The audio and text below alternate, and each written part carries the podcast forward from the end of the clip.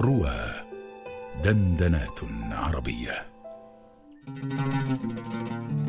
فيما يرويه عن ربه. مع إسراء جلبط على رواه.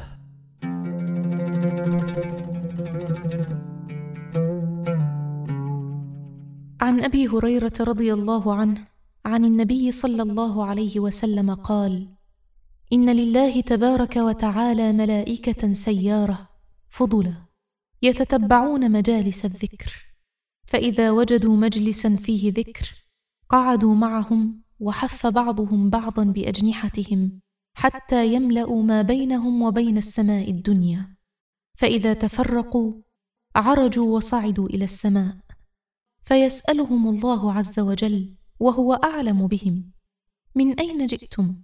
فيقولون جئنا من عند عباد لك في الأرض يسبحونك ويكبرونك ويهللونك ويحمدونك ويسألونك قال وماذا يسألوني؟ قالوا يسألونك جنتك قال وهل رأوا جنتي؟ قالوا لا أي رب قال فكيف لو رأوا جنتي؟